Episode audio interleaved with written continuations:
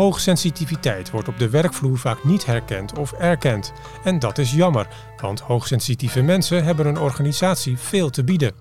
Dat zegt Suzanne Nieuwenhuis, die behalve als jurist ook werkt als coach en werkgeluk-expert. In deze aflevering van SSR Meestervertellers praat ze met Daan Langkamp over de kwaliteiten van hoogsensitieve medewerkers en over jobcrafting. Hoe zorg je ervoor dat jouw baan beter aansluit op jouw kwaliteiten, wensen en behoeften?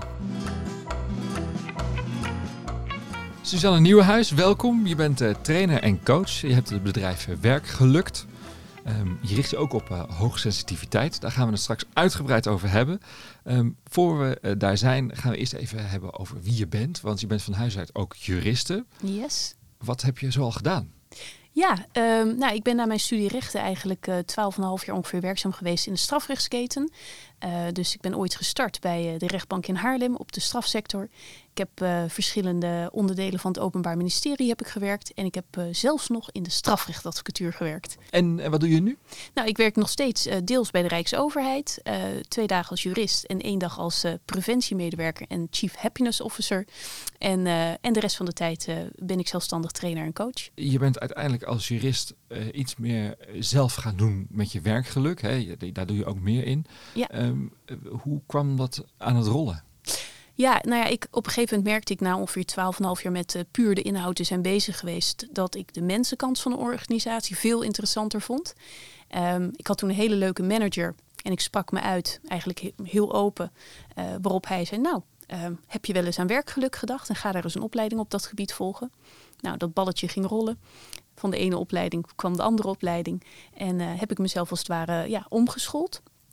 En um, ja, ik vond het gewoon een heel mooi onderwerp. Dus uh, zodoende. Ja, want um, hoogsensitieve personen, HSP'ers, worden ze ook wel uh, afgekort.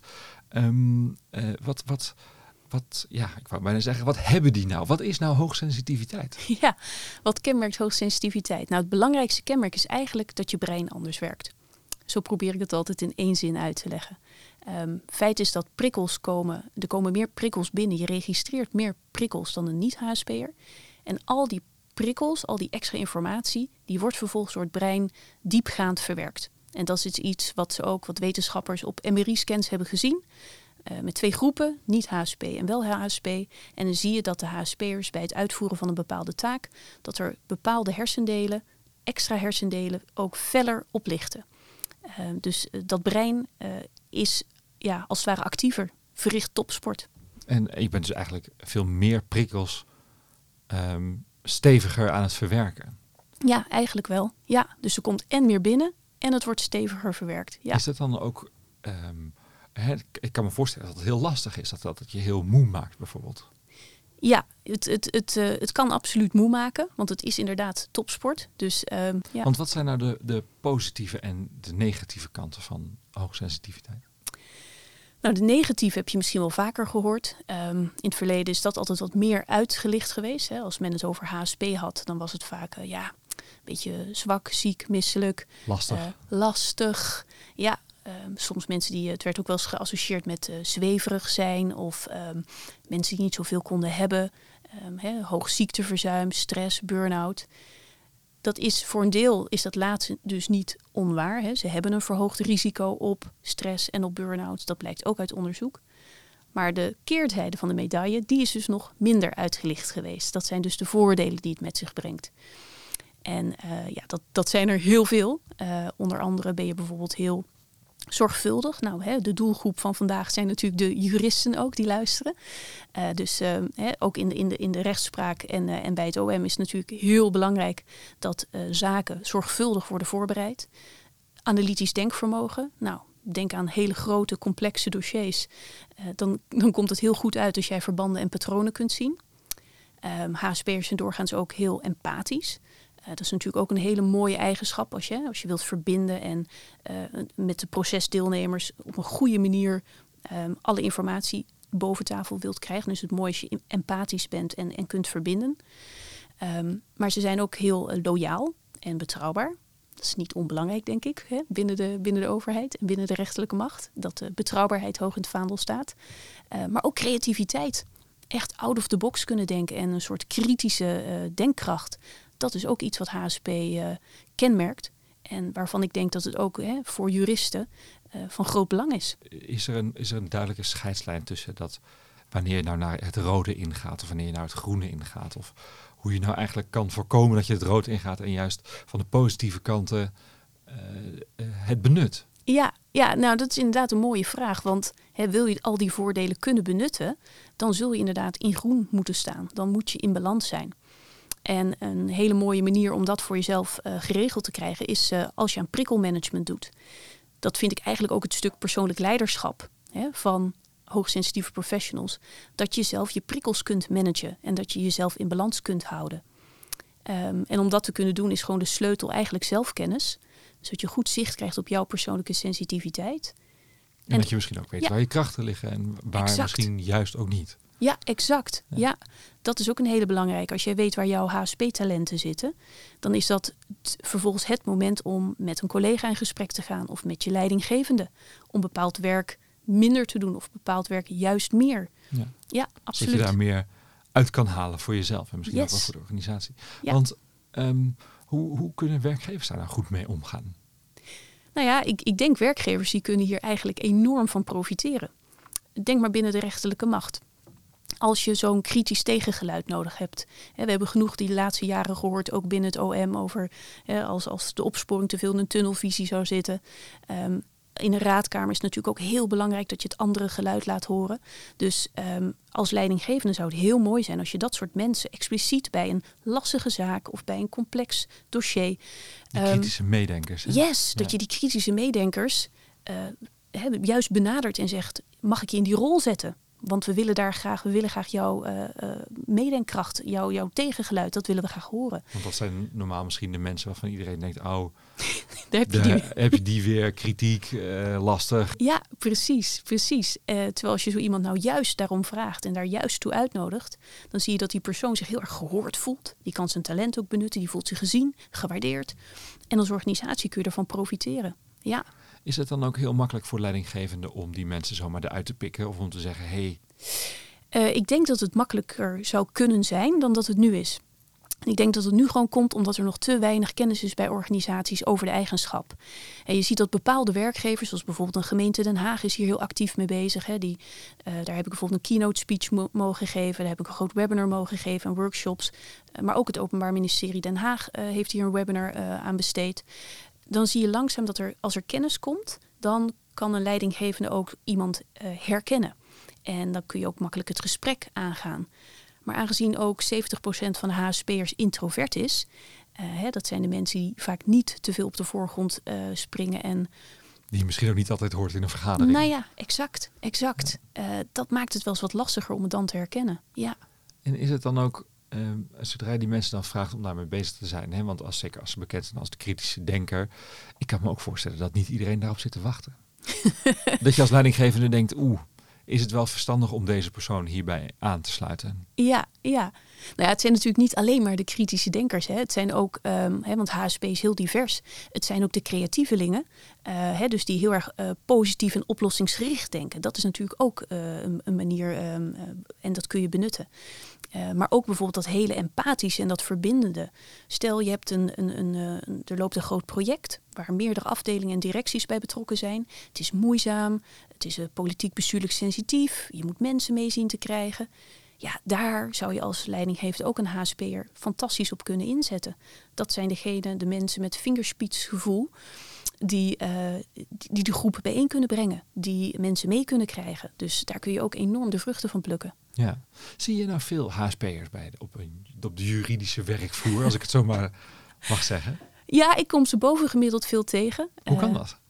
Nou, eigenlijk het is wel grappig. Um, er is dus ook onderzoek naar gedaan. En dan blijkt dat uh, het gros van de, van de HSP'ers werkt in dienstverlenende, adviserende beroepen. Uh, dat komt ook vanuit dat um, mensen graag willen helpen. HSP'ers zijn heel extern gericht. Dus ze zijn ook heel vaak bezig met het groepsbelang en met de ander. Nou ja, dat in een dienstverlenend beroep, je ziet ze ook veel in de zorg, in het onderwijs zie je ze bijvoorbeeld veel terug. Maar dus ook heel veel binnen de overheid. Het maatschappelijk uh, belang om daar een bijdrage aan te kunnen leveren. Ze zoeken vaak ook heel veel zingeving in hun werk. Dus uh, ja, juristen en dan vooral binnen de rechterlijke macht. Hè, dan scoor je op beide vlakken zingeving en anderen kunnen helpen. Um, ja, daar, daar zijn ze zeker vertegenwoordigd. Ja. En is er daar nog een bepaalde manier waarop je zegt van, goh, um, nou, ik denk dat die persoon hoogsensitief is. Ik wil hem graag bij een bepaald project zetten, juist om deze positieve uh, eigenschappen. Hoe, hoe kan je dat het beste aanvliegen? Ja, ik zou gewoon, als je als leidinggevende daar al sensitief zelf in bent en, en dat kunt herkennen, denk ik dat het gewoon heel mooi is om daar het gesprek over aan te gaan. En uh, je hoeft ook niet per se ook de andere kant op als, als medewerker richting je leidinggevende. Hoef je ook niet per se altijd de term HSP in de mond te nemen. Maar je kunt wel gewoon heel feitelijk benoemen wat je ziet. Dat je zegt, goh, ik zie dat jij een enorme netwerker bent. Of ik zie dat jij uh, enorm creatief out of the box kunt denken. Of ik zie dat jij super analytisch bent. En als je gewoon de, ja, de talenten eigenlijk benoemt die met de eigenschap gepaard gaan, dan kun je daar vrij makkelijk het gesprek in elk geval mee starten. Ja. En dan kun je later altijd nog erover nadenken of je de, de term zelf Precies, wilt ja. bezigen. ja. En, en, en zijn er dan ook praktische tips waar je ze mee op weg kan helpen? Of waarmee je al um, dingen voor hen klaar kan zetten waar zij al mee aan de slag kunnen? Je, je bedoelt als, um, als je bij een medewerker vermoedt ja? dat, dat hij of, een collega. Of een collega. Nou ja, wat natuurlijk ook heel mooi is, is als je collega's aan elkaar kunt koppelen. Dus uh, vaak uh, binnen een afdeling of binnen een directie ik bedoel, 1 op de 5 is hoogsensitief. dat is veel. En vooral als je dus ziet dat ze binnen sommige sectoren en beroepsgroepen oververtegenwoordigd zijn, dan zul je binnen elke afdeling zullen er wel één of twee hebben, of meerdere. En het is natuurlijk ook heel mooi als je die aan elkaar kunt koppelen. Misschien is de een al wat verder, uh, weet de een zichzelf al wat beter te managen, uh, is de een al wat handiger in die HSP-talenten gericht inzetten. En dat is natuurlijk het mooiste. Je wil dat het bespreekbaar wordt, dat het taboe eraf gaat. Um, en er zit ook het stukje eigen verantwoordelijkheid bij de medewerker. Hè. Ik vind ook de, de leidinggevende moet het uiteindelijk niet allemaal zien op te lossen. Maar je ziet wel dat werkgevers, sommige uh, kun je bij de vertrouwenspersoon terecht, bedrijfsmaatschappelijk werk. Hè, van de gemeente Den Haag is bedrijfsmaatschappelijk werk daar ook echt wel in thuis.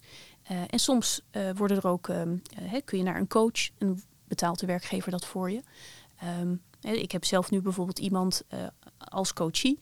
En dat is dan ook iemand die nu in het kader van een burn-out weer aan het reïntegreren is. En waarvan uh, de bedrijfsarts heeft gezegd, nou, het lijkt me verstandig dat je naar een HSP-coach gaat. Dus dat is er al wel. Um, en soms moet je inderdaad gewoon even een handreiking doen aan een medewerker en dan kan die daarna zelf. Ja, want ja. Um, komen we ook wel een beetje op je, op je andere deel van je werk. Want je doet ook aan jobcraften. Ja. Wat is dat precies? ja, jobcraften is, uh, vind ik heel gaaf. Dat is eigenlijk een soort uh, werkgeluk 2.0. Waarbij je, um, ze noemen het in België, vind ik hele leuke, noemen ze het baanboetseren. Um, dus eigenlijk zeggen ze, uh, je moet zo zorgen dat je gaat sleutelen aan je baan. Dat je zo aan je baan gaat boetseren alsof het klei is. Dat niet jij beter op je baan aansluit, maar je baan beter op jou op uh, jouw persoonlijkheid, op jouw sterke kanten, op je passies. En dat kun je doen door aan verschillende knoppen te gaan draaien. Iets waar een HSP'er waarschijnlijk wel bij gebaat is. Yes. Zeker als hij wat meer richting de negatieve kanten van ja. het HSP daar tegenaan loopt. Ja, exact, exact. En, en wat voor tips geef je ze dan? Nou ja, uh, je kunt aan een heleboel knoppen draaien. En ik zeg altijd, kijk, um, maak voor jezelf ook een overzicht van wat je doet hè, aan taken. En kijk daar dan ook bij, um, wat daar voor jou positief scoort, als in je krijgt er energie van, eh, je laat ervan op. En waar loop je op leeg en wat overprikkelt jou heel erg. En aan welke knoppen zou jij dan kunnen draaien om te zorgen dat dat, dat minder wordt, die overprikkeling. Denk aan de manier van samenwerken met een bepaalde collega. Uh, misschien wil, ben jij dus wat introverter en wil je wat vaker solistisch werken en wat minder in teamverband. Misschien mag je wat meer autonomie pakken en kun je wat meer tijd plaatsen onafhankelijk werken, zodat je ook wat vaker bijvoorbeeld pauzes kan nemen corona heeft uitgewezen dat dat kan. Um, maar ook de omgeving. Hè? Heel veel HSP'ers die werden gek van de kantoortuinen. Nou, die bloeien nu helemaal op nu ze gewoon thuis in stilte concentratieklussen, diepe denkwerken. En laten we eerlijk zijn, binnen de rechtspraak ook en het OM. Je hebt vaak zulke grote, complexe dossiers. Eh, dat kun je niet doen als je elke vijf tot tien minuten gestoord wordt in je werk. Dus als je dat soort dingen voor jezelf kunt craften van de omgeving waar ik werk en met wie ik samenwerk en wat voor soort werk je precies doet, tot je eigen mindset, dan kun je langzaam je werk naar je hand zetten. Is dat ook iets waar je collega's makkelijker mee kan nemen? Ja, ik denk het wel. Want soms, het kan ook, het klinkt nu misschien wat groot, het kan soms ook heel simpel zijn. Bijvoorbeeld een leuk voorbeeld is een, uh, dat was iemand die zat in een van mijn trainingen, die, uh, die had een bepaalde klus en hij zegt, nou dat domineert mijn hele dag. Toen maakte hij een taakanalyse en een fit-analyse en toen kwam hij erachter dat eigenlijk die taak hem maar 5% op een, van zijn hele takenpakket vormt. En toen dat in zijn hoofd zo groot geworden was. Ja, het was in zijn hoofd was het enorm. Hij zegt, wauw, 95% van mijn werk vind ik eigenlijk heel erg gaaf. Het is maar dat kleine beetje. En toen is hij, heeft hij voor zichzelf besloten dat hij die kleine taak ochtends als eerste zou doen. In volledige focus. Dat hij er daarna vanaf zou zijn. En dan was het de rest van de dag freewheelen. Kon hij genieten van zijn werk. En van zijn collega's. En van zijn collega's. en dat soort verhalen, als men dat met elkaar uitwisselt. Dat, uh, ja, dat werkt aanstekelijk. Dat zie ik dan ook in zo'n training. Dat de ander zegt, oh ja, verrek. En dan gaan ze van elkaar leren en elkaar aansteken. Dus dat is heel leuk. Ja. ja. Is, dat, is dat ook iets wat je dan doet? Hè? Want je noemde het aan het begin van het gesprek al even. Je bent ook Chief Happiness Officer. ja. Is dat dan wat daar op, goed op aansluit? Ja, kijk, een Chief Happiness Officer is natuurlijk een, een, term met een knipoog. Um, in principe kun je ook zeggen, zou een Chief Happiness Officer zou overbodig moeten zijn. Eigenlijk zou elke leidinggevende zou Chief Happiness Officer voor zijn eigen team moeten zijn. Of de afdeling HR bij wijze van spreken. Um, maar eigenlijk zou je allemaal zelf je eigen Chief Happiness Officer moeten zijn. Um, als, als Chief Happiness Officer, wat ik persoonlijk heb gedaan, is ook heel veel training gegeven intern. Um, hè, mensen helpen met. Want het is een stukje bewustwording. Vaak van waar ga je nou vandaan op je werk? Waar haal jij zingeving, voldoening en plezier uit? En persoonlijk leiderschap, wat zou je zelf kunnen doen om dat te verbeteren? Daar ben ik heel erg van. Wat kan jij zelf doen? Welk gesprek kan jij zelf aangaan met een leidinggevende, met een collega? Wat kun je zelf doen om je eigen werkplezier te vergroten? Ja. ja. Tot slot, um, toch nog even terug naar het, uh, het hoogsensitieve. Wat is nou de belangrijkste tip die je mensen zou willen meegeven die um, of zelf van zichzelf weten dat ze hoogsensitief zijn of van zichzelf vermoeden dat ze hoogsensitief zijn? Wat is de belangrijkste tip die je aan hen wil meegeven? De belangrijkste tip is denk ik ook uber simpel en misschien ook wel uber voor de hand liggend. maar zorg dat je zicht krijgt op jouw eigen hoogsensitiviteit. Want zoveel mensen er zijn, zoveel HSP'ers zijn er. Um, je hebt bijvoorbeeld uh, hele extraverte HSP'ers. Uh, en ook wel de zogenaamde sensation seekers. Dat zijn mensen die niet per se aan een uh, bungee jump touw willen hangen. Maar dat zijn mensen die bijvoorbeeld altijd op zoek gaan naar informatie en nieuwe uitdagingen in hun werk.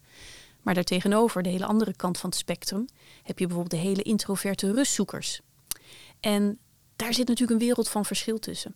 Dus zoek voor jezelf uit, wat voor type HSP'er ben ik? Wat kenmerkt mij? En um, wat, ja, wanneer floreer ik en wanneer dus niet. Ja, en, hoe, hoe, pas ik daar dan misschien mijn baan op aan? Exact, ja. exact. En je privéleven. Het werkt eigenlijk in alles door. Uh, maar het is een... Um, ik denk dat altijd als je het ook over je persoonlijkheid hebt... dit is een kenmerk van je persoonlijkheid. En dat hoort er gewoon bij. En wat ik heel vaak hoor van, van, van, van trainees en van, van coaches die zeggen... Jeetje, had ik dit maar eerder geweten. Had ik dit maar geweten toen ik een jaar of 18 was en niet pas op mijn 38ste. Ja. Um, net zoals dat geldt ook voor mezelf. Had ik het maar 20 jaar eerder geweten. ja. ja, dus, uh, dus dat zou mijn belangrijkste advies zijn. En je kunt daar wat testjes voor doen online. En lees ook veel. En praat dus ook heel veel met andere HSP'ers. En uh, krijg zicht op jouw persoonlijke sensitiviteit. Suzanne Nieuwenhuis van Werk Gelukt. Dankjewel. Graag gedaan, dank. Dit was SSR Meestervertellers. Blijf op de hoogte en abonneer je op deze podcast. Graag tot de volgende keer.